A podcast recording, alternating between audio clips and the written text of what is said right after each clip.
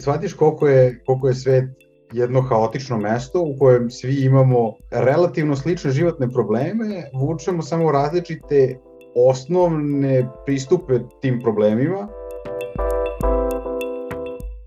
Univerzum ti onako baci neku priliku kada to treba da se desi i baš onu koja ti treba i ja sam odlučila da, da iskoristim i da eto nekako privremeno stavim na hold ili zaboravim tu priču o Austriji. I eto dve godine kasnije ja sam i dalje u Novom Sadu i iskreno ne želim nijednog momenta tu odluku.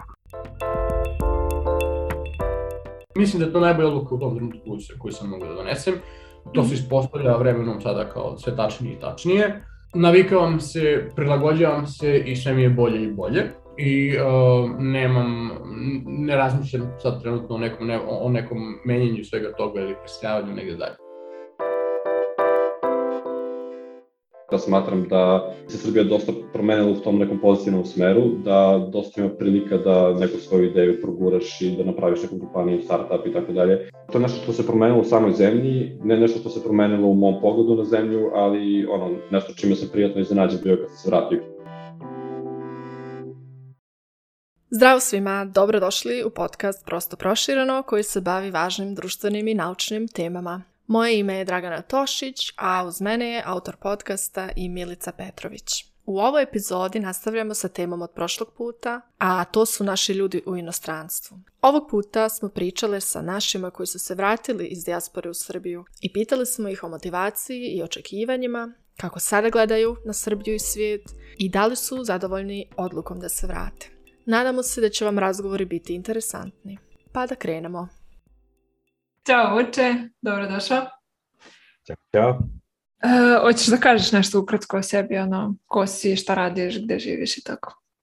Pa ništa, ja sam Vuk Ujović, od skora živim ponovo u Beogradu, živao sam prethodnih 8 godina u Cirihu, studirao sam robotiku tamo, bio sam jedno šest meseci i na razmini u, na Cambridgeu i onda posle toga sam se zaposlio, radio u Cirihu, i sada sam se preselio za Beograd i hoću da pokrenem, to jest sada sam u procesu pravljenja neke, nekog svog robota i pokretanja nekog svog biznisa. Aha, znači osam godina si živeo u Cirihu. Pa, da, mislim da je dva meseca kraće od osam godina, ako ćemo budemo egzaktni, ali da. O, svaka čast, svaka čast. A ovde si radio master ili osnovne studije? Master studije sam radio tu. Aha, aha. Ovaj, I posle toga si radio u nekoj firmi kao za robotiku, jel? Da, e, ne, firma se, za, da, bavila se kompjuterskom vizijom, ali da. Dobro, a kako si odlučio da se vratiš? Razmišljao sam o tome kao kad si me pozvala i onda sam kapirao da je možda zapravo, bolje pitam, da, da prvo kažem kako sam odlučio da odem, jer je mhm. to povezano sa, sa, sa odgovorom kako sam odlučio da se vratim, a to je da sam ja ovde na osnovnim studijama se već zanimao za robotiku, i onda sam radio i praksu i, i a, diplomski rad e, na institutu Mihajlo Pupin u Centru za robotiku, što je u tom trenutku bilo bila najjača, manje više naša najjača institucija za robotiku u Srbiji, u definitivno u Beogradu.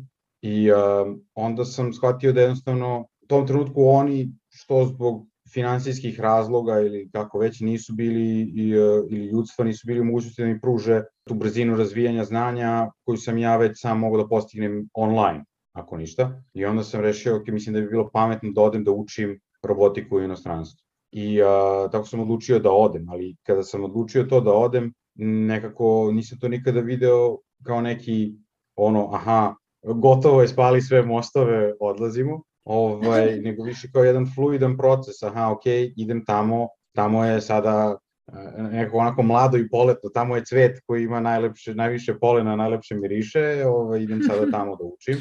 I posle toga kad sam ostao da radim, bilo je ok, aj sad da steknem iskustvo, oni imaju interesantan pristup drugačiji poslovanju, očigledno uspešniji nego, nego što uglavnom firme imaju u Srbiji. I onda sam rekao, ok, mislim, to je definitivno bolje mesto nego u Srbiji, a sad e, u tom trenutku mi je bilo zgodnije da ostanem. I um, negde na duge staze sam ja od uvijek znao da hoću da pokrenem svoj biznis, to da hoću da ja da stvaram samostalno i onda kada je došao trenutak, taj neki posle, kad sam već stekao dovoljno iskustvo u ovoj firmi vezano za poslovanje i tehnologiju, ovaj, ajde da kažem za znanjem sam bar se osjećao sigurnim i ranije, onda sam rešio, aha, ok, ajde sada da napravim presek gde i kako ja mogu da najbolje ostvarim ono što ja želim, a to je da pokrenem firmu u oblasti robotike. Tako da bude onako kako ja hoću, da imam pristup tržištima onako kako ja hoću, ali takođe da imamo svoju suverenost ili mogućnost rada. E, sada, a, Švajcarska je nezgodna zemlja za dobiti državljanstvo i treba dosta vremena za tako nešto, a strancima nije baš Mislim, moguće je, naravno stranci su osnivači kompanija, ali ovaj, zapravo papirološki proces iza toga je malo komplikovaniji nego što to deluje na prvu loptu i veoma često se to ne vidi jer ljudi to idu kroz univerzitet kao spin-off nastanu i onda sam ja ovaj, zapravo morao da naučim da čitam dosta pravnih dokumenta, da razumem kako funkcioniše uvoz i izvoz u zemlje, koje zemlje s kojim zemljama imaju kakve ugovore i tako dalje, da bih mogao da razumem da li je Srbija dobar, uh, dobar korak u tom smeru i onda sam izračunao da jeste, bar, bar za sada za početak. A u kojoj oblasti si onda zaključio da, da se to, mislim, isplati praviti robota? Šta radi, šta, šta, šta je sad ideja da će taj tvoj robot da radi ovde u Srbiji? Radi se o poljoprivrednoj automatizaciji, znači na duge staze je u suštini ideja da imaš poljoprivredno imanje ono, ključ u ruke. U suštini to bi bilo verovatno neki biznis model pretplate, ali ideja je da a, bi automatizovani roboti izlazili iz tog postrojenja koje bi bilo instalirano na poljoprivrednom dobru i održavali dobro. Znači, trenutno gledam nek, e, radim sa, sa Paradajzom i Paprikom, ali ovaj, gledamo, gledam i druge različite, različite useve, da. To je prilično cool. Nadam se da će to ti uspe, pa onda posle ja se vratim u Srbiju i iznajmim to ili ka, šta se radi, mislim da se kupuje ili kako. Pa kupuje pretplata. A, pretplata, da, da, da, da se, da se pretplati. da, nadam se da će biti tako jeftino kao Netflix. Ove, ovaj, pa cool, znači, ali dobro, ti se tek skoro vratio sad, pre koliko, ne, nekoliko meseci. Da, znači, recimo, pa u avgustu da sam ono kompletirao nekada. Ok, znači sad si još uvek u procesu osnivanja, mislim, firme da. i to sve. Uh -huh. Znači, rano je da te pitam da li su tvoje očekivanja ispunjena. pa možda jeste malo rano, ovaj, de, definitivno, za sada nema ništa što je iskočilo niti posebno dobro, niti posebno loše. Mm -hmm. ovaj, e, do duše, pošto sam uzao sada da umeđu vremenu, sad to ti isto ono kao kada razmišljaš o ovakvim stvarima, ti možeš da imaš svoj budžet i da radiš na tome, ali i dalje ovaj, hoćeš da minimizuješ potrošnju sobstvenog novca, onda radim kao konsultant za jednu firmu koja se bavi robotikom nadam se budući partneri neki i ovaj, u svakom slučaju radim za njih i onda sam morao da odradim papirologiju koju, bi sa, koju sada spremam i za, za ovu moju firmu i eto kažem tu sam se prijatno iznenadio da nije bilo teško. Mislio sam da ću, da, ću, da ću morati mnogo više da, i bolje da razumem i ceo pravni sistem i ovo i ono, ali zapravo je bilo prilično jasno. A, ovaj, a ta tvoja firma koju sad osnivaš, je li to one man show ili, ili to radiš sa nekim drugim još? Imam tim ljudi, ali još uvijek nismo to definisali, to je sada u procesu ovaj, dogovaranja kako mm -hmm. ćemo, ko hoće i tako dalje. Aha, ali mislim plan je da ne moraš sve sam da radiš, jel? Ne, naravno, ne, ba, mislim, to je jedino da sam umetnik. Ovo je to bi moglo da prođe. Dobro, cool. A ja ti nedostaje nešto iz tvog prethodnog života u Cirihu? Dvije stvari mi nedostaje. Mislim, znači prva stvar, znači ljudi su me pitali kad sam došao kao, aha, e pa kao, pitali su me s obe strane, i ljudi u Cirihu, i, ovaj, i ljudi u Beogradu, i ovaj kao, je li sad strašno, kako je, je li teško, je li si se snašao? Ja rekao, znaš šta mi je jedna od najtežih stvari? Znači, prodavnica. Ne mogu da se naviknem, navikao sam da mi stvari stoje na drugim mestima u prodavnici i uvek ulazim i kupujem, sad treba ceo novi set proizvoda i tako dalje, što je ono, po meni možda jedna od ono najgorih stvari kad se seliš iz zemlje u zemlju ili ono, iz regije u regiju jeste ta, ta adaptacija na tu svakodnevnicu, ali um, ako se ta, ta, to da kažem izuzme, uglavnom mi nedostaju, nedostaju mi prijatelji. Uh, jedna stvar koju Beograd ne nudi u meri u koju sam imao u Cirihu, mada verujem da to ne bih imao ni u meri istoj u nekom manjem gradu, mislim Cirih je prilično međunarodni grad, jeste baš ta međunarodnost.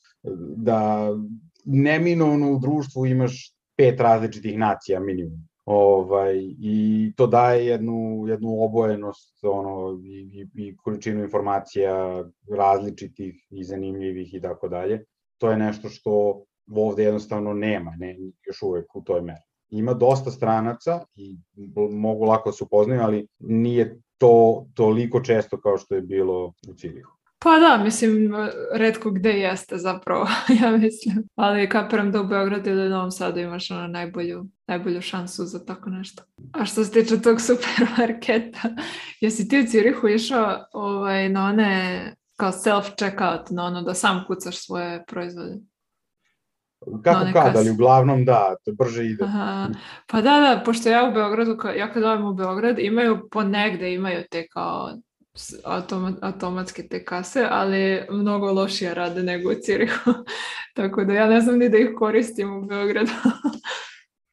pa, ali, ali to je tačno, znam tačno na šta misliš i, i smejao sam se, baš jer sam razmišljao o tome, sad su napredili u novom Mercatoru, ali i dalje je ono dođeš staviš i kao sad treba da kupiš nešto, sad kao staviš kesu i onda kao prvo staviš kesu i onda on smara dok ne staviš kesu, onda dok ne staviš proizvod, pa ako je proizvod previše lagan, ono ga ne, ne oseti, ne vidi, ne znam ja, i onda sam razmišljao kao kako, znaš, zašto toga nema i onda jednostavno, iako je toga sada manje, ja se sećam kad sam bio klinac pa odem u Maxi ili šta je tada bilo, ne, C Market je tada bio, odem u C Market i onda kao ulazim unutra i ono, kupujem čokoladicu i ona me gleda ono, ko da ću da ukradem, ne znam ni ja šta, zato što su ljudi krali mnogo više, jer je manje bilo, onda je sada, mislim da je sada malo bolje, jer sada verovatno te kase radi isto tu stvar, samo sada očekuju opet viši stepen krađe malo, nego što je bio pre, a, a, a verovatno u Cirihu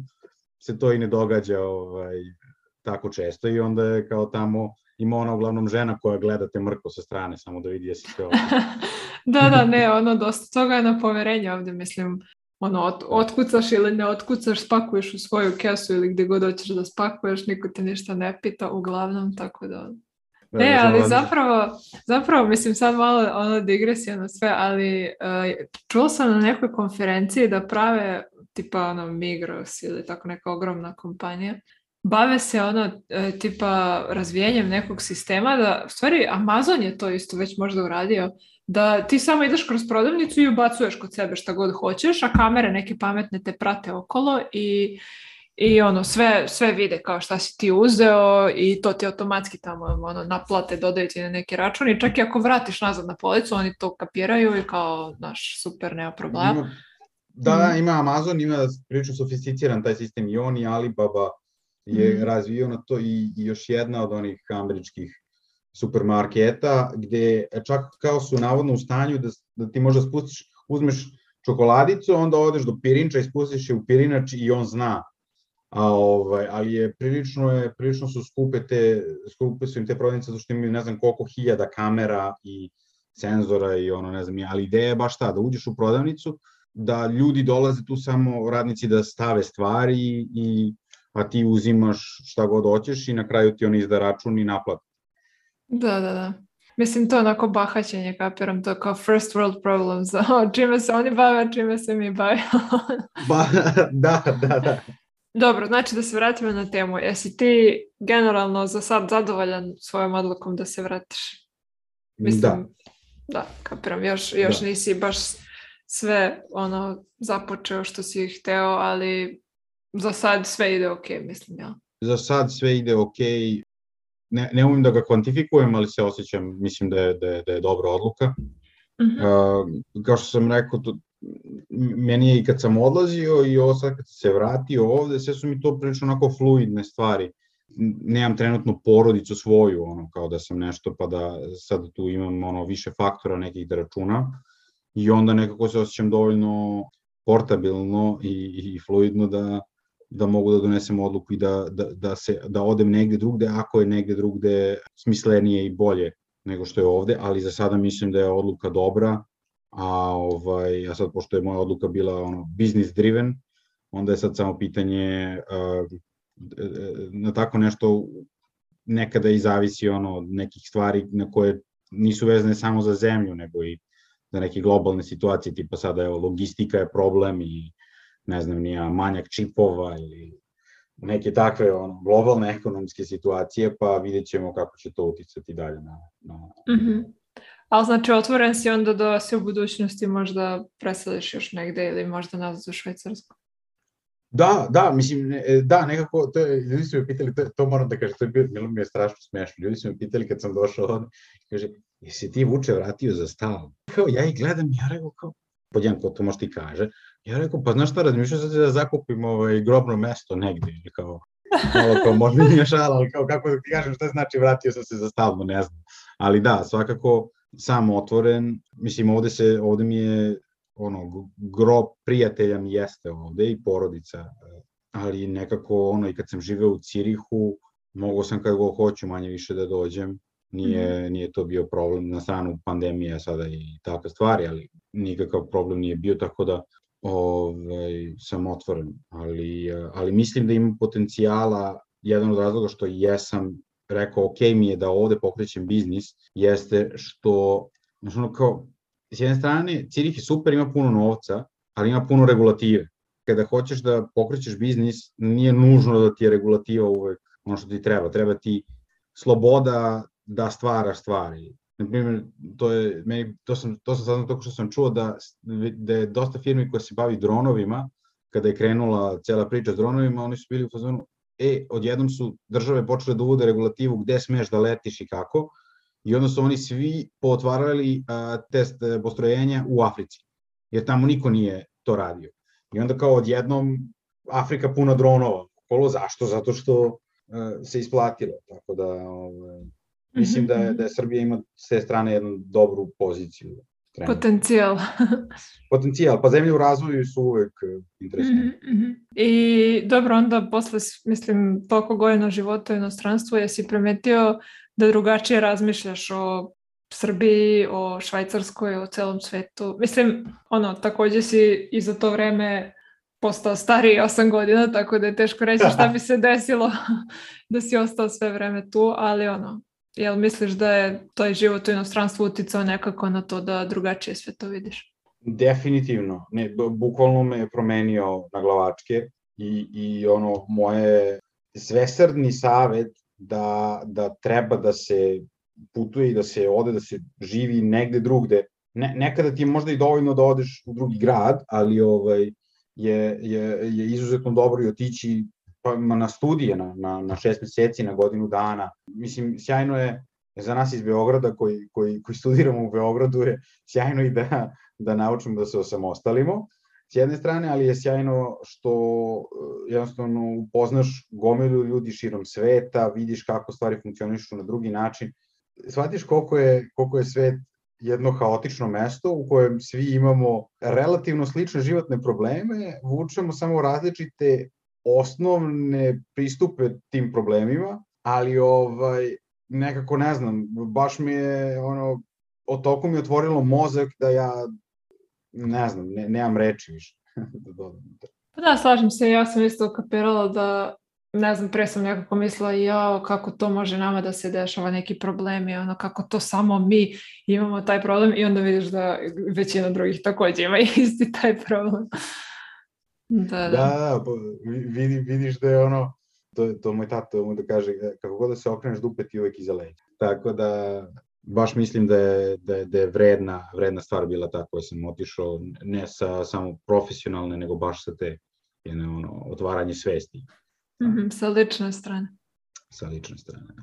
Cool, cool. Znači sve svemu dobro jedno iskustvo i sad zadovoljan povratkom za sad. Zadovoljan povratkom za sad. Ekstra, super, super. Hvala ti puno. Nema problema. Tajana, kako si večeras? Zdravo, Dragana. Hvala na pitanju, super. Evo, Ovaj, vrlo sam radosna što mogu da se konačno priključem u ovom podcastu, prvenstveno zato što jako uživam u našim razgovorima i svaka čast što ste to konačno pretočilo nešto što i drugi mogu da čuju. E, pa hvala. Mislim, znaš šta je tema podcasta, pa možda mogu da počnem odmah sa pitanjima o tvom putu u inostranstvu i možda možeš da nam ispričaš gdje si živela i koliko dugo. Dakle, ovako, ja sam u suštini živela, kada da kažem, neki kratki period u inostranstvu, doduše na, na više mesta. Mislim da je nekako najrelevantnije iskustvo moje studiranje u Austriji, s obzirom da je nekako najviše bilo slično nekom iskustvu, kako da kažem, pravog života. Nije Erasmus iskustvo, nije work and travel iskustvo gde je sve avantura, adrenalin, već nekako čovjek pokušao da stvori svoju rutinu. Dakle, bila sam dve godine u Salzburgu u Austriji, gde sam studirala pravo i političke nauke, to je mhm. takozvani European Union Studies zapravo, tako da to je malo interdisciplinarno. I eto, u suštini želja da, da radim taj master me je odvela u Salzburg, ali i razlozi sa kojima može verovatno da ste ljudi da se poistoveti, a to su oni romantične prirode. Da, da, sigurno sam da može. Čak sam um, upoznala i neke ljude koji su doselili iz raznih dijelova svijeta u Srbiju i naravno da je to razlog uglavnom. znači, je li tvoj plan bio da ostaneš tamo ili kako si vidjela to nekako u svojoj glavi? Pa ja sam iskreno krenula u jednom smeru. Dakle, samo to preseljenje, mislim situacija bukvalno da, da imamo komšiju koji je iz Minhena i vozio tad za Minhen i ja pakujem svoj kofer i on koji se iščuđava i mislim da mi je kofer jako težak, jer kao nosim, ne znam, neke, kako bih rekao, ženske stvari, a ja sam mislim, meni su tu sve knjige. Zato što se ja u svojoj glavi selim i sve moje omiljene knjige moraju da budu sa mnom u tom stanu, jer to je nešto onako što mi daje neki utisak doma i topline. Tako da u tom momentu zaista u mojoj glavi je bila ta neka odluka, ok, ja idem u jednom smeru, studiram ovde, e, znam jezik, usavršavaću ga, tražit ću posao, eto kažemo, ovaj, i, i postoje taj neki emotivni odnos, pa prosto nekako razvijenje, stvaranje potpuno nekog novog života tamo. To je bio plan. Uh mhm. -huh. I, I kako se desila ta odluka ili situacija da se vratiš? Pa zapravo bilo je nekako potpuno neočekivano. Umeđu vremenu sam ja bila dobila neku stipendiju da odem u Kinu kao da je isto mog master programa, tako da sam već tu bila promenila lokaciju. U nekom momentu, ok, opet neka privatna situacija se promenila I malo po malo su nestajali razlozi za mene da ja ostanem u konkretno Salzburgu, Međutim, ja sam i dalje razmišljala o tome kako da ostanem u, u Austriji, s obzirom na to da je Beč stvarno epicentar tih nekih aktivnosti koje su relevantne što za politiku, što za pravo, sve velike institucije su tamo. I prosto dešavao se proces da sam ja produžila svoju vizu na kojoj sam još uvek imala pravo, ali zbog nekih troškova života i slično sam odlučila da se vratim u Srbiju dok taj proces apliciranja na poslove traje. Kao vratit ću se nakon eto, tog života u Austriji i privremenog u Kini, malo da sam sa svojima, sa svojim prijateljima, da to nadok nadoknadim, u isto vreme se opet prijavljam za poslove, pa kao desit će se nešto. Međutim, ono što se desilo, sam ja zapravo puno neočekivano dobila posao svojih snova u Srbiji, u Novom Sadu, uh, gde, gde inače živim. Tako mhm. da, ja sam shvatila to kao neku priliku koju ne želim da propustim. Na ovom planu se nije ništa dešavalo i ono, iskreno bila sam razočarana, ali sam shvatila, ili bar ja imam to neko poimanje, univerzum ti onako baci neku priliku kada to treba da se desi i baš onu koja ti treba i ja sam odlučila da, da iskoristim i da eto nekako privremeno stavim na hold ili zaboravim tu priču o Austriji, pošto naravno nisam znala kako će se odvijeti sve to na poslu. I eto dve godine kasnije ja sam i dalje u Novom Sadu i iskreno ne želim nijednog momenta tu odluku.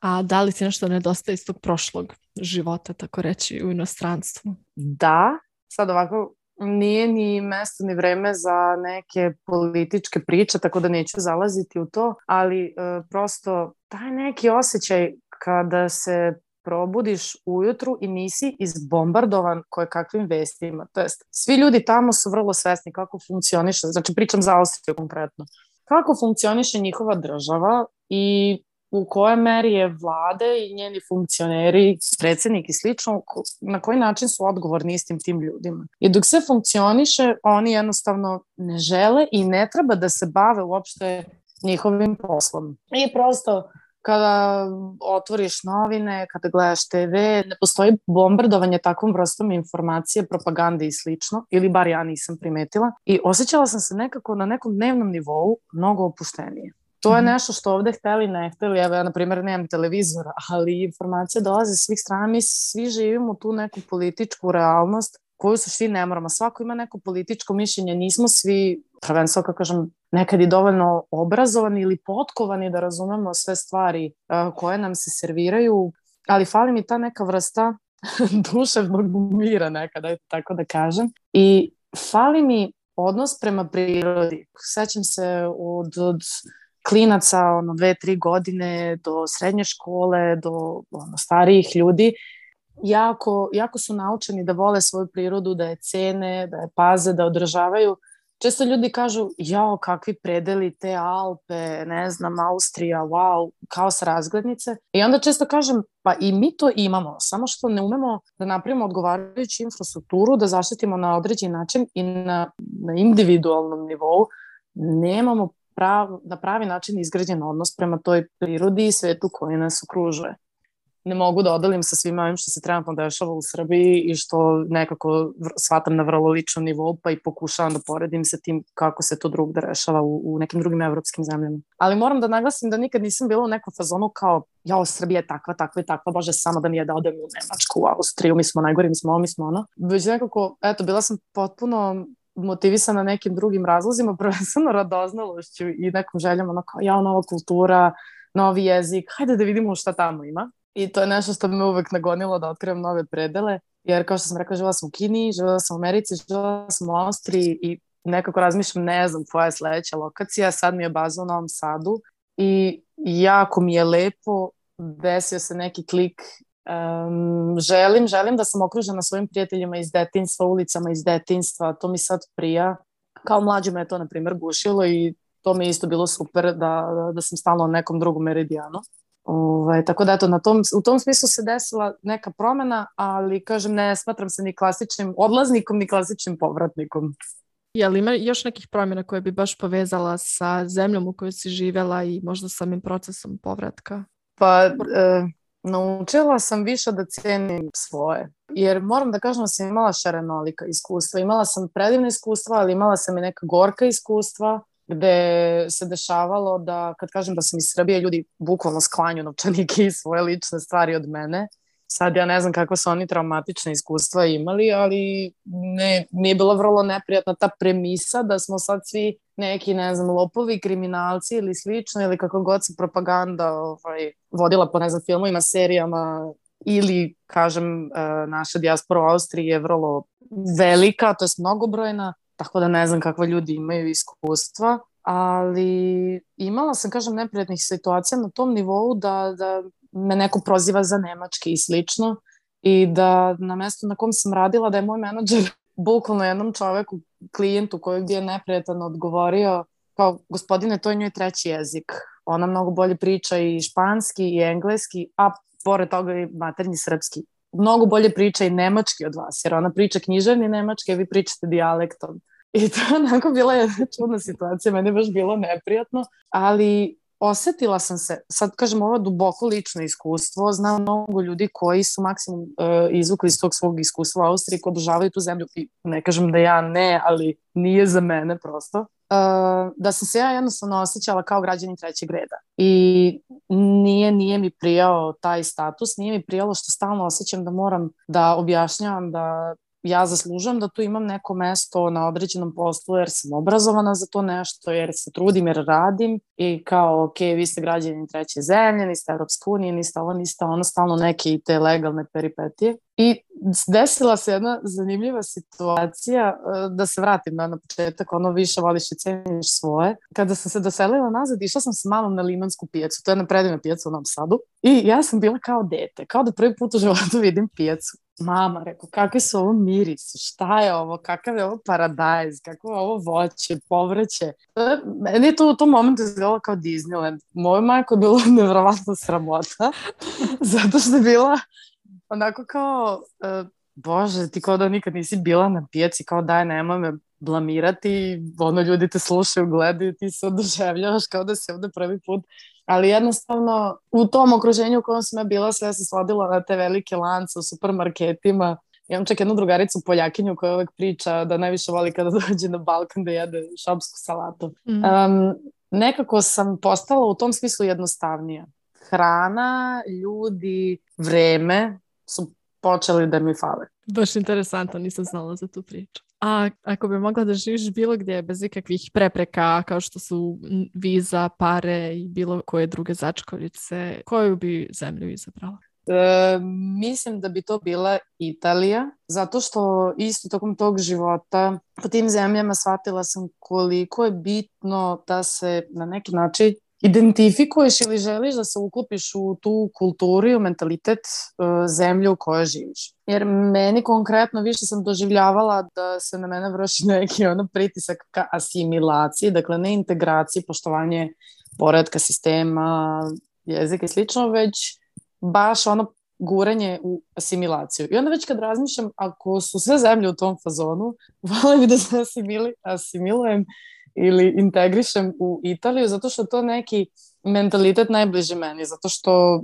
dosta sam proputovala po Italiji, prijeju mi prizori, bukvalno kada čovjek izađe na, na ulicu i, i hoda, da li imam, na primjer, slušalicu u ušima, idem negde i hranim, hranim svoje oči, hranim svoje čula, svime što vidim, svime što mirišem, svime što jedem. I to su jednostavno neke male stvari koje su meni na svakodnevnom nivou bitne. Uključujući sunce, eto, ne znam, za mene su te male stvari, ma, male stvari bitne, da, da mi je lepo okruženje, da čak i ako ima malo tog haosa u mentalitetu, eto, za Italiju mi je konkretno to jer me opet podsjeća na nešto naše, a opet je, ajde, uslovno rečeno, uređenije. Tako da mislim da je bitno uh, da čovek može da se do neke mere poistoveti sa mentalitetom i kulturom u koju odlazi ili makar ima jaku želju da se integriše, uključujući jezik, muziku, hranu, društvene norme, način na koji se provodi slobodno vreme. Mm. Jer, na primjer, za Austrijance i Nemce često onaj stereotip ne umeju da se provode, ne umeju i tekako oni umeju da se provode, samo je to na neki potpuno drugačiji način. To je možda igranje, ne znam, karata, neki društvenih igara, to je planinarenje, vole oni da, da popiju, tako da ovaj, u, u to nema sumnje da, da i to je nekako sklop ajde da kažem, njihovi žurki, druženja ili čega god. Ali jednostavno sam mentalitet, bar iz mog iskustva, nije bio isti i primetila sam da se brže sklopim sa ljudima, ne znam, italijani, španci, grci, um, ljudi iz Latinske Amerike i da je to taj neki moment mentaliteta. da, slažem se s tobom. Eto, to je bar neka moja lična perspektiva. Interesantno. Mislila sam da ćeš reći da bi živjela u nekoj e, zemlji u Latinskoj Americi, pošto znam da voliš tu kulturu. I to je isto. Meksiko je moja zemlja snova, ali opet dovoljno sam racionalna da nekako znam i kakve, kakvi su uslovi u smislu bezbednosti i slično. Volela bi da živim tamo neko vreme, ali kažem eto, broj godina ili broj šasije već nekako menjaju moje prioritete u životu i kad razmišljam ako bih, ne znam, e, stvarala život, imala porodicu i slično, voljela bih opet da sam nekako bliže i nekako eto kad pomislim Italija, ma čovek sedne na, na voz, u kola, na avion i tu je za, za par sati, to je isti kontinent. Da, lijepa naša Evropa. Super. Da, ne, drago, mi je, drago mi je da si ti srećna tu gdje jesi, a za budućnost i za tebe ne brinem. Šaraćeš ti svijetom još i ko zna gdje se vidimo.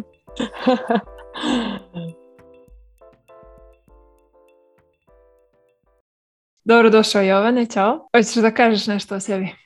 E, ja sam Joca, Mimin drug. E, mi smo zajedno nekad otišli da, u inostranstvo, tamo smo pozavršali fakultete i ja sam se po nekih godinu dana vratio u Beograd i sad ću da učestvujem u ovom podcastu i da pričam malo o svemu tome.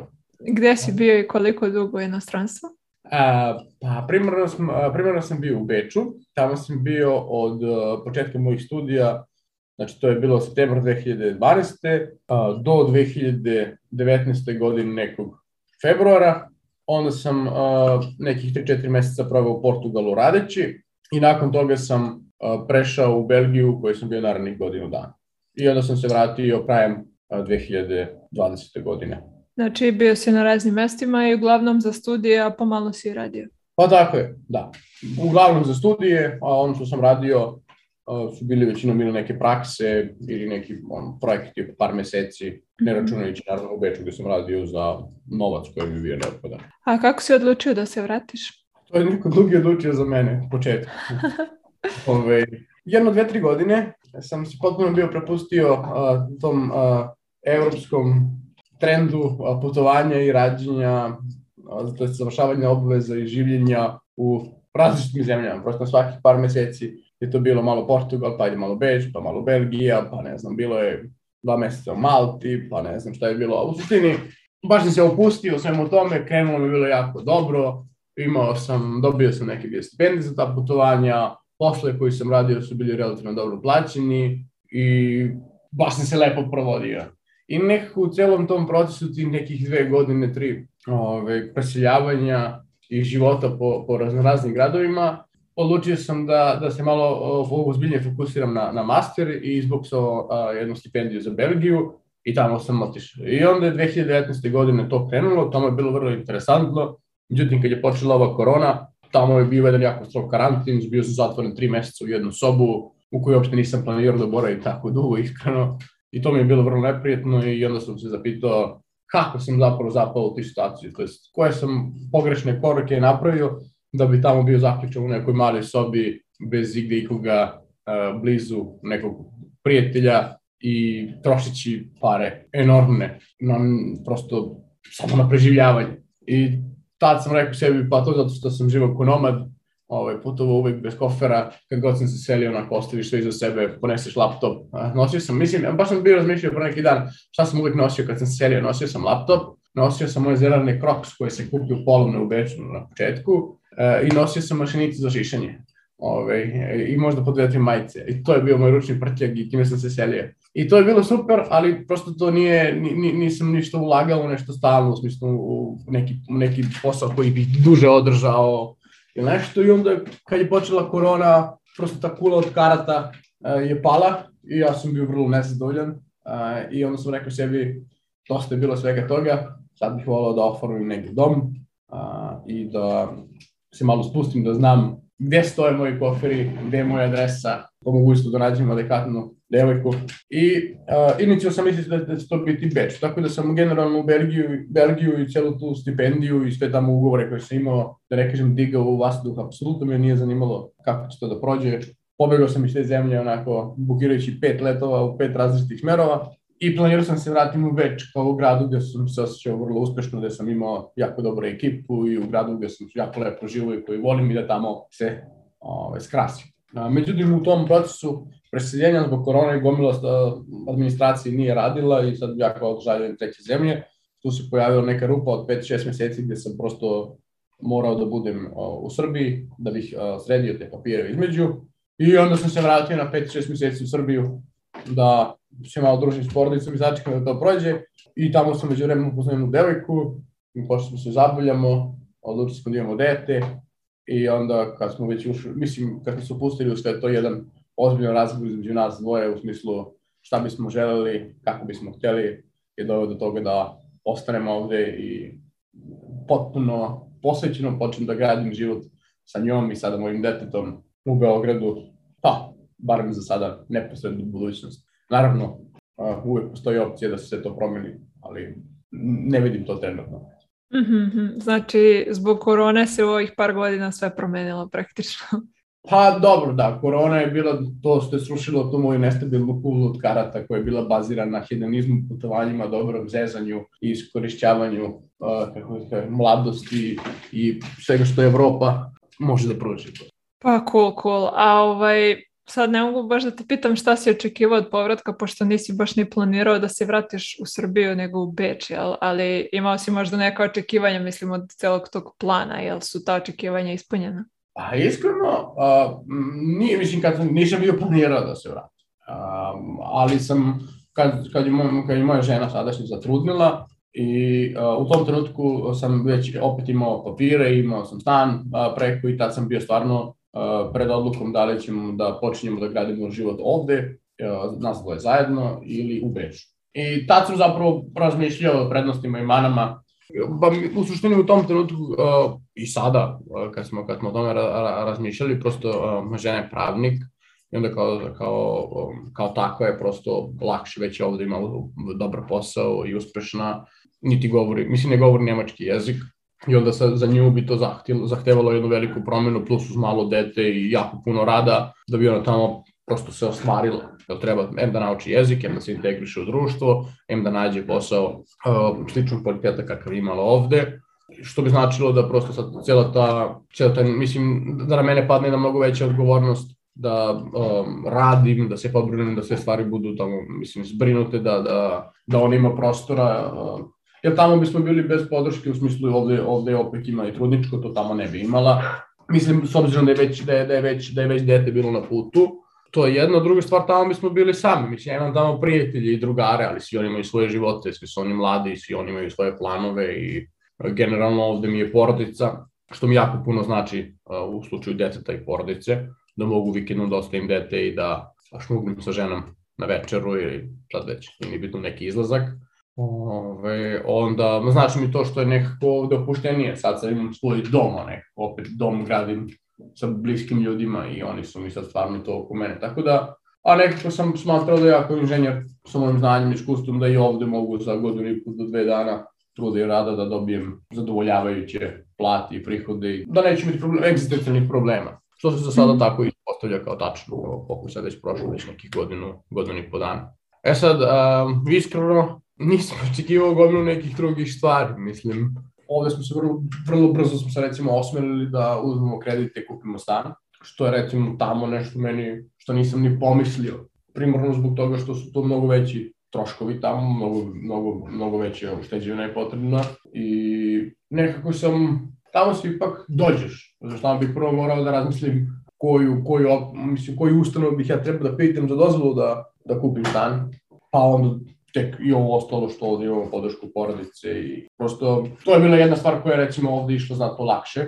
barem iz pogleda nekog imigranta uh, u toj zemlji. Uh, onda ono što je recimo ovde bilo prednost kad sam se vratio jako puno što ja imam vikendicu žena ima vikendicu, tako da generalno provodimo jako puno vikenda slobodnih, mislim jako puno, možda u proseku 5 do 10 vikenda godišnje koje provedemo na vikendici zajedno sa društvom, praveći roštilj, jazeći se, što je jako lepo, takve stvari tamo, prosto nisam imao vikendicu, mislim iskreno od svih ovih mojih kolega stranaca koji su došli ili emigrirali iz svojih rodnih zemalja, jako malo od njih uspe da bilo kada kupi vikendicu. Mislim, bilo je nekih putovanja, tamo je to mnogo pristupačnije putovati, menjati se, bilo je praktično jeftinije otići na Maltu dve nedelje nego otići na neko planinaranje u Austriji tri dana. Stvarno je, stvarno je tako, mislim, to sam u suštini, to smo svi radili. Tako da, eto, pojavila se ta neka prednost da on bukvalno ima vikendicu, imam svoj voćnjak, da, da pravio sam svoj džem prvi put posle 9 godina, pravio sam svoje domaće sokove, to mi onako dalo, mislim,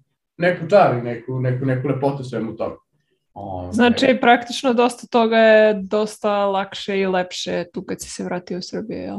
Pa dosta toga jeste. Mislim, dosta toga i nije, ali da, definitivno dosta toga jeste. Ja pokušavam da se fokusiram na te stvari koje su lepše i da, i da na osnovu njih nekako gradim uh, život, više nego one stvari koje mi smetaju. Ali recimo da, na primjer, vikendice su nešto što nisam ni zamislio da bih mogao da imam preko, a, a ovde mi je to obezvređeno i, i, i bud zašto pristupačno. O, onda recimo, ja volim, od uvek nekako sam potrebno maštao da imam čamac, nekako, prosto za to je potrebno mnogo više novca, mnogo više planiranja preko i mnogo više, postoje mnogo više regulacija, dok ovde u Beogradu imamo Savu i Dunav za, mislim, 500 eura možeš da kupiš čamčić i, još, i, i, i staviš motorić na njega i da uživaš u Beogradu na vodi koji je zapravo na sred reka, a ne na obali po meni.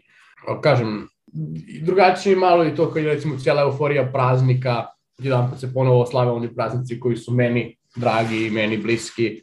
Nije da to nije, da, da nije, da, nis, nije da nisu postali uslovi za tako nešto u Beču, naprotiv, tamo zapravo i jesu, pogotovo što je jako velika zajednica Jugoslovena, ali ovde si nekako, svi su euforiji, svi su praznici, svi su slobodni dani koji dobijam na posle se poklapaju zapravo sa onim za šta mi treba i tako. Ja, to, su mhm. neke, to su neke značajne prednosti recimo splavarenja i kampovanja koje ja jako puno volim, planinarenja. To su nešto tamo što si mora da planiraš stvarno -hmm. i da odvajaš određeni budžet i da baš onako ideš, da ne kažem preko agencije, dok ovde možeš spontano uzmeš kajak i spustiš se drinom ili tarom uz bilo koju mhm. regatu ili, na primer, planinarenje za 1000 dinara učiniš u planinačko društvo i za 20 evra ideš ti god hoćeš 3 dana, mislim, možeš da biraš koji vrh želiš da se penjaš sa ekipom. Tako da, te, te čari su prosto ovde jako lepe, e sad samo je stvar da on, treba imati dovoljno i novci i vremena da uživaš u svemu tome, jer to je nekako sve povezano, ako nemaš jednog ili drugog, onda nemaš ni opciju baš da uživaš u svim tim stvarima. A misliš da ti je lakše da, da skupiš novca i vremena tu nego u Beču recimo ili kako? Ne mislim da je, znači mislim da je lakše skupiti u Austriji, konkretno u Beču, ajde ja njega i dosta volim i ako bih uh, negde se selio, to bi vratno bio taj grad ikada. Uh, da, mislim da je mnogo, mnogo su manje brige, znači sa jednom uh, inženjerskom platom apsolutno ne morate briniti nikakve brige o egzistenciji, nikakve Znači imat ćete dovoljno na kraju meseca ostati par stotin evra da uštedite, ne treba mi 10.000 evra u džepu ne daj Bože ako bude jedno zdravstvenih problema. Mislim, ne kažem da je to, da je, da je sistem takav ovde i da to se odrazumemo, ali prosto postoji jako puno stvari koje mora da uzmete za ne daj Bože u obzir, koje su tamo pokrivene od sistema. Znači, prvo polazimo od, od, od zdravstvenog sistema koji u Austriji stvarno funkcioniše fantastično i apsolutno nemate potrebu ni za čim dodatnim, niti postoji mogućnost nekako da iz mog barem pogleda imate potrebu za nečim dodatnim. Dok ovde, da ne kažem svaki, svaki jedan sistematski pregled praktično praćate privatno. Tako je stanje prosto. Tako da to je jedna stvar. Druga stvar je recimo saobraćaj. To tamo, znači tamo nisam imao potrebu za automobilom, uh, i kad jesam koristio sam uh, Drive na ove car sharing aplikacije, to mi je na mesečnom nivou krivajući sve troškove prevoza, nikad nisam trošio više od 70-80 eura, što za aute, što za, za karte za, za, za prevoz, dok ovde u proseku održavanje jednog automobila i gorivo sa njega me košta 200 eura mesečno. A mislim, moji prihodi nisu ovde duplo veći nego tamo, nego obrnuto. Tako da to je recimo nešto što je ovde značajno problem, da gubim sat vremena barem dnevno u, u prevozu i da mi to stvarno košta, prosto to mi uzima dobar deo plate. Tako da Mislim da finansijski na nivou kvaliteta svakodnevnog života je mnogo lakše tamo preko, ali isto tako mislim da recimo ja vrlo ratno tamo ne bih nikad zaradio za jednu vikendicu. Možda bih zaradio za jedan dobar stan koji bi kupili u kojem smo mi živeli, ove, ali za vikendicu ili za čamac, prosto verujem da tako nešto ne bih priuštio i kad pogledam imigrante koji su otišli ranije, koji su sada i uspešni i rade u jako dobri firmama i visoke plate, prosto taj novac se ne usmerava na te stvari. Usmerava se na neke na podizanje standarda svakodnevnog života, na kvalitetniju garderobu, na bolju hranu, na, ne znam, skuplja putovanja, na, na, jako, na investicije u, u koje kakve uh, akcije, recimo, dakle nešto malo njih investira recimo u čamac. To mi je onako mene. A dok ovde recimo te stvari su potpuno obezređene i mislim da je do njih mnogo lakše doći. Mislim da je lakše kupiti stan i sa ovom platom u Srbiji, recimo u Beogradu, nego, nego kupiti stan u Beču. Mm -hmm. Tako da mislim da, je, da su troškovi ovde i to, pošto ja vodim svoje troškove jako dugo, ja ovde stvarno smatram moje troškove na mesečnom nivou većim nego u Austriji. Uh, e sad, naravno, neka putovanja, recimo putovanja, pristupačnost putovanja.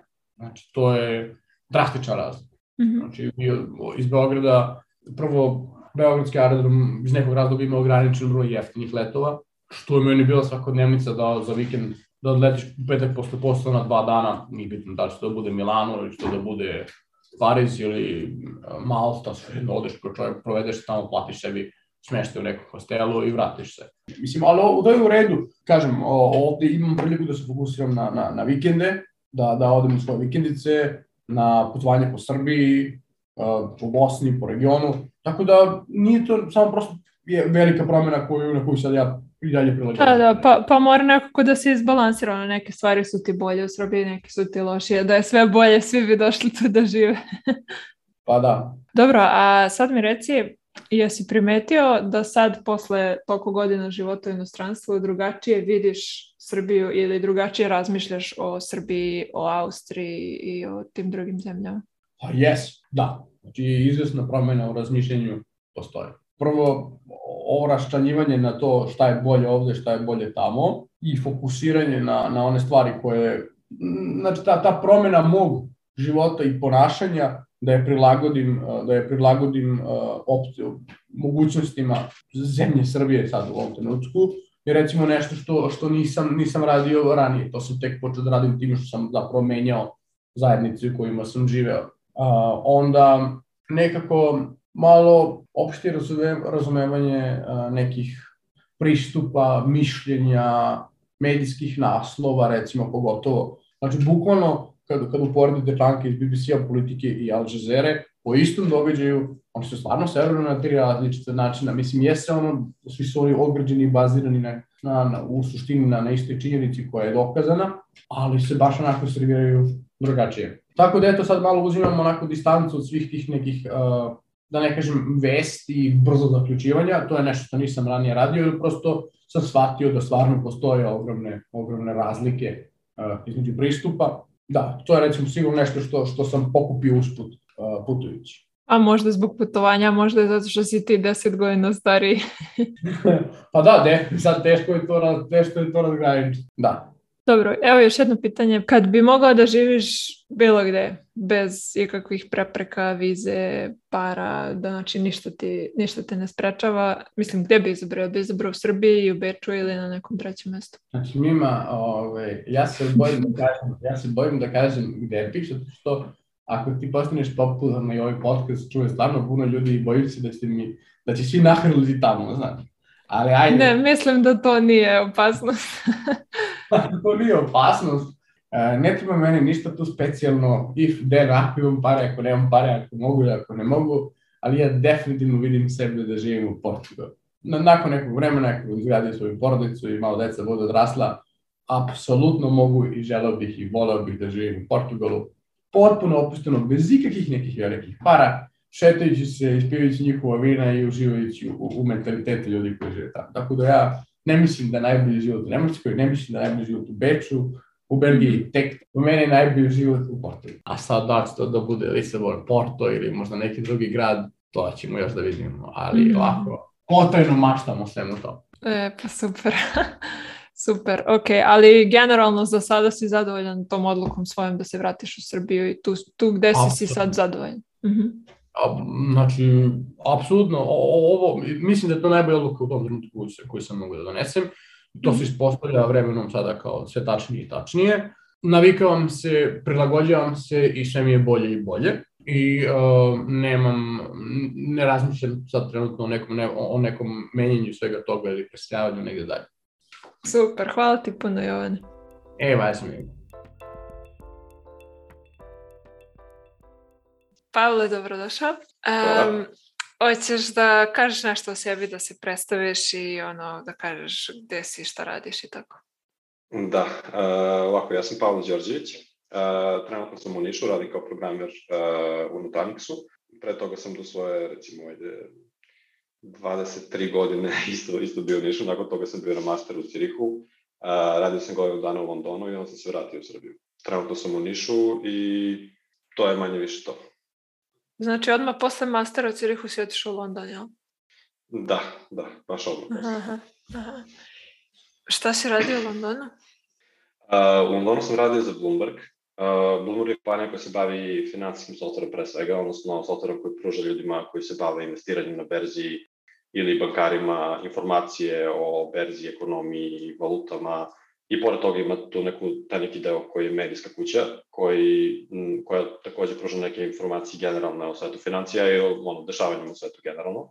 Tako da tamo sam radio um, nešto što nema veze sa financijama mnogo, ali generalno sam radio timu za interne aplikacije, uh, konkretno u timu za upravljanje incidentima i uh, planiranjem business continuity-a, tako da malo sam imao tog nekog dodira sa tim nekih finansijskim svetom, osim nekih osnovnih pojmova tamo i više sam se fokusirao na tu neku ono, stručnu stranu razvijenja nekih sistema koji treba da budu highly available, kao što su sistemi za obaveštavanje ljudi o incidentima koji se dešavaju širom sveta, gde god Bloomer ima kancelarije i tako dalje. Tako da, ono, posle godinu dana tamo sam a, dobio, ono, drug koji, koji radi u Tanix u Nišu me kontaktirao um, sa pitanjem da li želim da dođem na intervju. Mene je ono zaintrigirala ideja dosta, e, jer e, za Nutanix, odnosno Frame, pre toga sam čuo dosta ranije, Frame je niški startup, odnosno niško-američki startup, koji je m, generalno za tu neku najveću akviziciju u dotadašnjoj istoriji srpskog IT-a prodat Nutanixu, tako da Uh, znao sam da im je proizvod super, da su ljudi super i da to sve ima neku budućnost. Drago mi je što je tako nešto bilo u Nišu, jer mi se Niš kao grad za život dosta sviđa, tako da sam zbog toga odlučio da se vratim. Aha, aha, pa cool, cool. I šta si, ovaj, šta si očekivao od povratka? Uh, generalno, uh, što se tiče posla konkretno, odnosno, ajde, ajde ovako, tipa, da, da, da pričamo o razlozima za povratak, par mojim. Uh, ljudi imaju različite razloge za povratak, neki su čisto uh, emotivnu neku ruku jer su vezani za ljude, za porodicu, za okruženje gde su odrasli i nije im bitno toliko ni šta će da rade, niti kako će da bude na poslu, niti, niti da li će baš kvalitet života da bude skroz potpuno isti. Um, meni je neko bilo bitno da m, posao bude interesantan, da to na čemu radim, da mogu da se motivišem u tome što radim. Problem u Srbiji i programiranju, mislim, nije problem, nego generalna situacija je takva da je 95% firme u Nišu klike se bavi uh, outsourcingom, što znači da sam proizvod ne potiče iz kompanije u kojoj radiš, nije razvijen u kompaniji u kojoj radiš, samim tim ne možeš baš da nađeš neku veliku motivaciju u tome.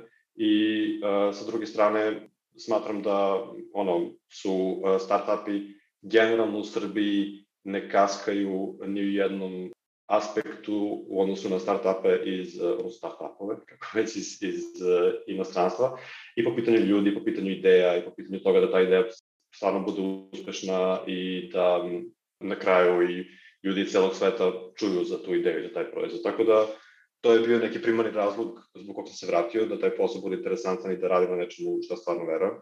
To sam zapravo očekivao i to, to se manje više desilo. Stvar je da nekako ljudi koji se bave programiranjem u Srbiji imaju tu neku sreću da kvalitet života ovde i kvalitet života u inostranstvu neće značajno da se promeni, ali ono, to je, ajde, isto nešto što sam očekivao, nešto što se takođe na kraju ispunilo. Ali sa druge strane, nešto što sam očekivao sa, sa te neke lošije strane, to da te neki sistemski problemi i sistemske stvari um, u Srbiji postoje.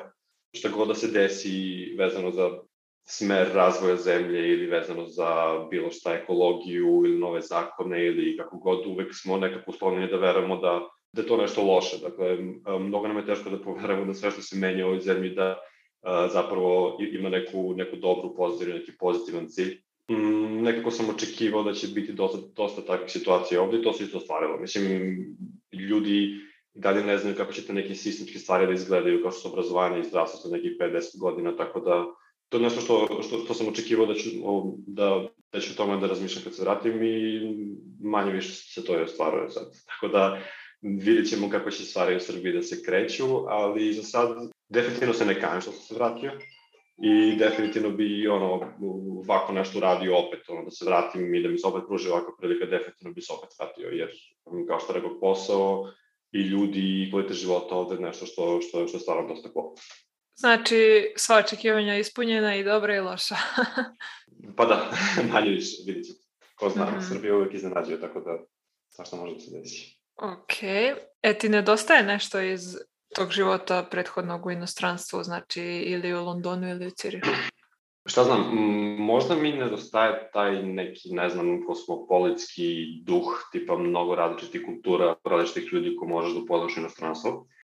Možda bi situacija bila drugačija da živim u Beogradu, na primjer, odnosno na Niš, ali opet smatram da sam dovoljno različitih ljudi već upoznao u inostranstvu i da ono mi je to dosta pomoglo da postanem otvoreniji tolerantniji i da svoju svest razvijem na neki način, tako da super mi što sam to doživeo, to mi možda malo fali trenutno, ali ono, smatram da um, svako to treba u nekom trenutku da doživi i da će to definitivno da ga promeni, ali nije nešto što mora da bude tu ceo život. Mm, šta znam. Mm -hmm. A jedno pitanje vezano za društvo. Generalno, mislim, postoje neko mišljenje da u Srbiji su, da su u Srbiji ljudi mnogo opušteniji i mnogo spontaniji i da onda, recimo, kad kažeš na poslu, e, ajmo večeras na pivo, ljudi kažu, ajde, kao super, idemo posle posla, a u inostranstvu, mislim, ne znam kako u Londonu, ali u Cirihu treba da bukvalno se dogovaraš sa ljudima tri meseca unapred ako ćete da se vidite, jer inače ne mogu ljudi imaju, ne znam, šta god, mislim, uvijek život, ima nešto. Da, da život. Uh, jel, jel ti imaš takav utisak? Pa šta znam, mislim, definitivno um, ljudi koji su slični godišta kao ja, ljudi koji recimo, ne znam, nemaju velike porodice da njima mogu da se posvećaju, definitivno jesu fleksibilni u Srbiji. Ne bih rekao da su svi, recimo, da sad mogu bilo kom kolegi da kažem, e, idemo na pivo i, i da on ili ona odmah kaže, ok, idemo na pivo. Mm -hmm. um, smatram da ono, u inostranstvu nekako raz, razlog što, se, što to nije toliko često, u Londonu je ne, ono, prvo jako praktičan, pošto je grad jako ogroman, i ljudi koji rade do pet i kojima treba sat do sat i po putovanja metrom, vozom kući, mogu da odu na posao, mogu da odu na pivo posle posla i ono, potencijalno ako ne žele posle da se opet maju sa vraćanjem po metrojima i tako dalje, ali opet znaju da im treba dosta vremena do kuće i žele da rade možda još nešto osim toga, obzirom da nemaju mnogo vremena, obzirom na to putovanje posle do kuće. Ono, ja dok sam bio tamo, relativno često smo izlazili na pivo posle posla.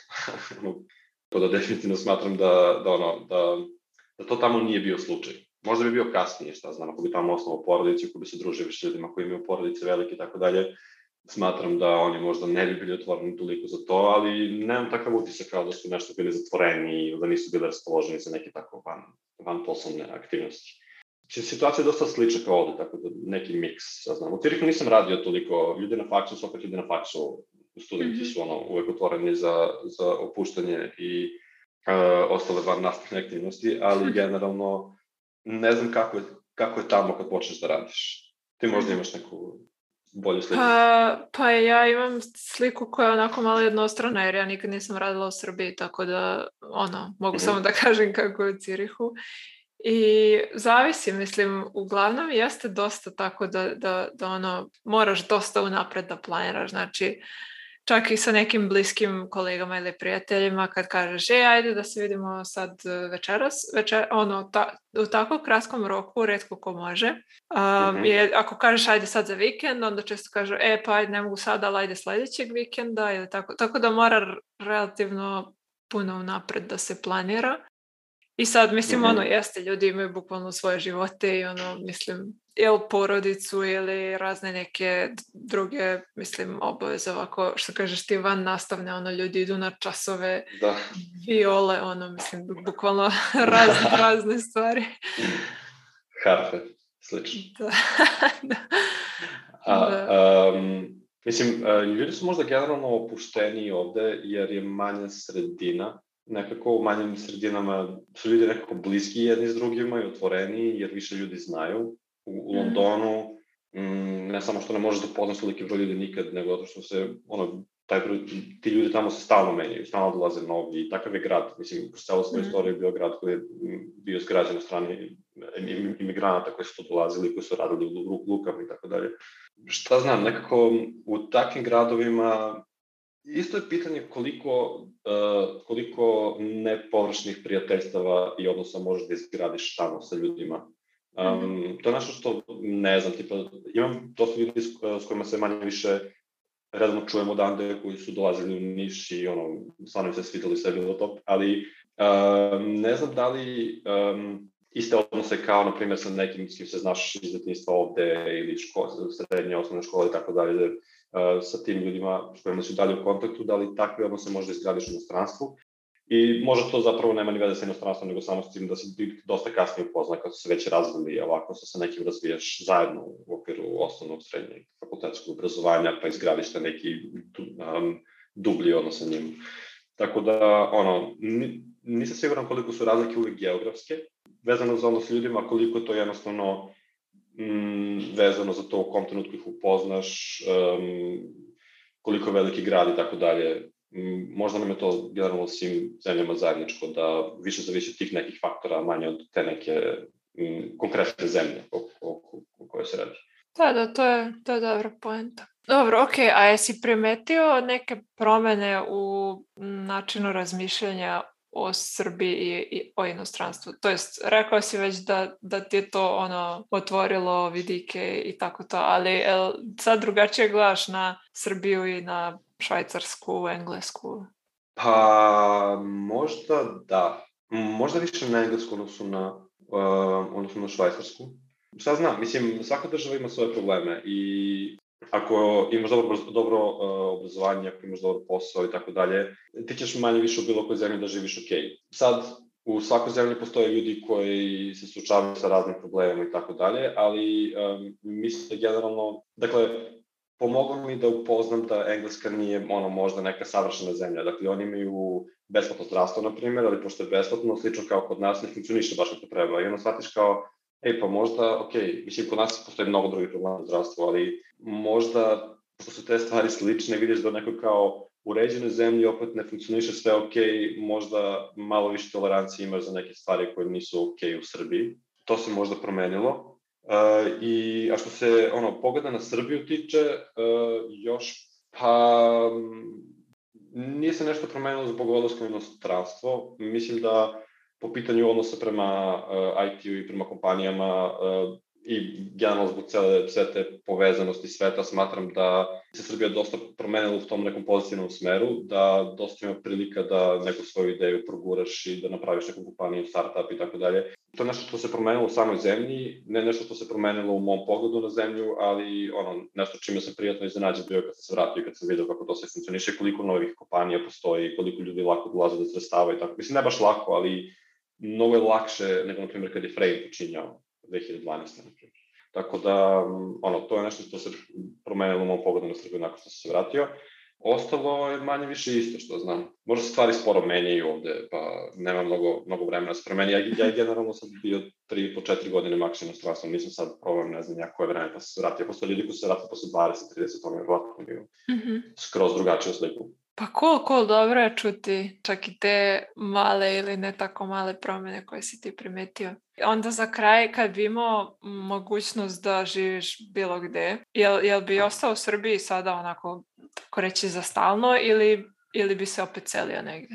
Možda ranije e, to, e, taj, ta, ta cela selba u inostranstvo i povratak u Srbiju je dosta bio nekako trajan, Znači, ljudi su odlazili u inostranstvo definitivno se nisu vraćali, ljudi su vraćali u Srbiju i definitivno nisu odlazili više. Obično do penzije su inostranstvo, posle se vrate i to je to. Ali u zadnje vreme, obzirom na to koliko ljudi studiraju u inostranstvu pa se vrati, koliko ljudi radi na nekim poslovima u inostranstvu pa se vrati, ili koliko jednostavno ljudi radi na nekim poslovima u inostranstvu pa se ne vrati u zemlju odakle su došli, nego idu u neku treću zemlju, po četvrtu i tako dalje. Uh, smatram da su ljudi mnogo mobilniji, da mm, se mnogo češće sele i menjaju mesto da žive ja lično ne smatram da sam na bilo koji način vezan za to da do kraja života ostanem ovde iz bilo kog razloga. Sada mi je dosta cool jer, uh, kažem, ono, posao koji radim je dosta super, uh, ljudi kojima sam okružen na poslu i u svakodnevnom životu su cool, manje više sam ovde od, od, ono, um, odrastao u neku ruku, tako da svi ljudi koje znam iz osnovne srednje fakse su ovde I za sad mi je ovde cool, ali ko zna, možda se nešto drastično promeni. Ako krene litijum da se kopa, to, to će definitivno da promeni moju, moju, moju sliku o tome gde želim da živim, šta znam. Ali za sad sam ovde, ali nisam ono, na neki način vezan za to da ću sigurno da stanem ovde do kraja života. A ono što je drugo pitanje, da li bi živao negde drugde, Cirih mi je bio top. U Cirih bi se definitivno vratio nekom trenutku, ja mislim, ono ako se pruži prilika i ako želim da odem i tako dalje, jer smatram da je Švajcarska jedna od mislim na na Srbiju, ima dosta takvih zemalja gde ne moraš toliko da se cimaš oko toga kakav sistem postoji tamo i da ne moraš konstantno da preispituješ kakve odluke neko iza tebe donosi koji utiču na tvoj život i da li su te odluke loše i tako dalje. Mislim da imaju dosta zdravorazumski pogled na to kako će da utiču na život ljudi koji žive u toj zemlji i to mi se dosta sviđa. Sviđa mi se uređenost i kvalitet života i sama zemlja je, je dosta cool, tako da ko zna, vidjet ćemo. Ali Cirih mi je baš ostao ono lepo sećanje i zbog ljudi koji sam upoznao tamo i zbog generalnog okruženja gde gde sam živeo. Cool, a jel možda imaš san kao većina programera da odeš na selo da čuvaš ovce? uh, funny you should say that. sam, da, mislim, skoro sam počeo da razmišljam o tome čime bi se bavio. Ne bi se bavio programiranjem do kraja života. Mislim, generalno i dosta malo programera ne programiraju ono do, do penzije, nego rade neke druge stvari. Ali šta znam, mislim, Srbija je ono, poljoprivredna zemlja uvijek bila, tako da ko zna. Možda u nekom trenutku. Znači i ta opcija je otvorena. da, bukvalno sve, sve. Ekstra. Sve Ku, hvala ti puno. A, ništa, I... hvala tebi.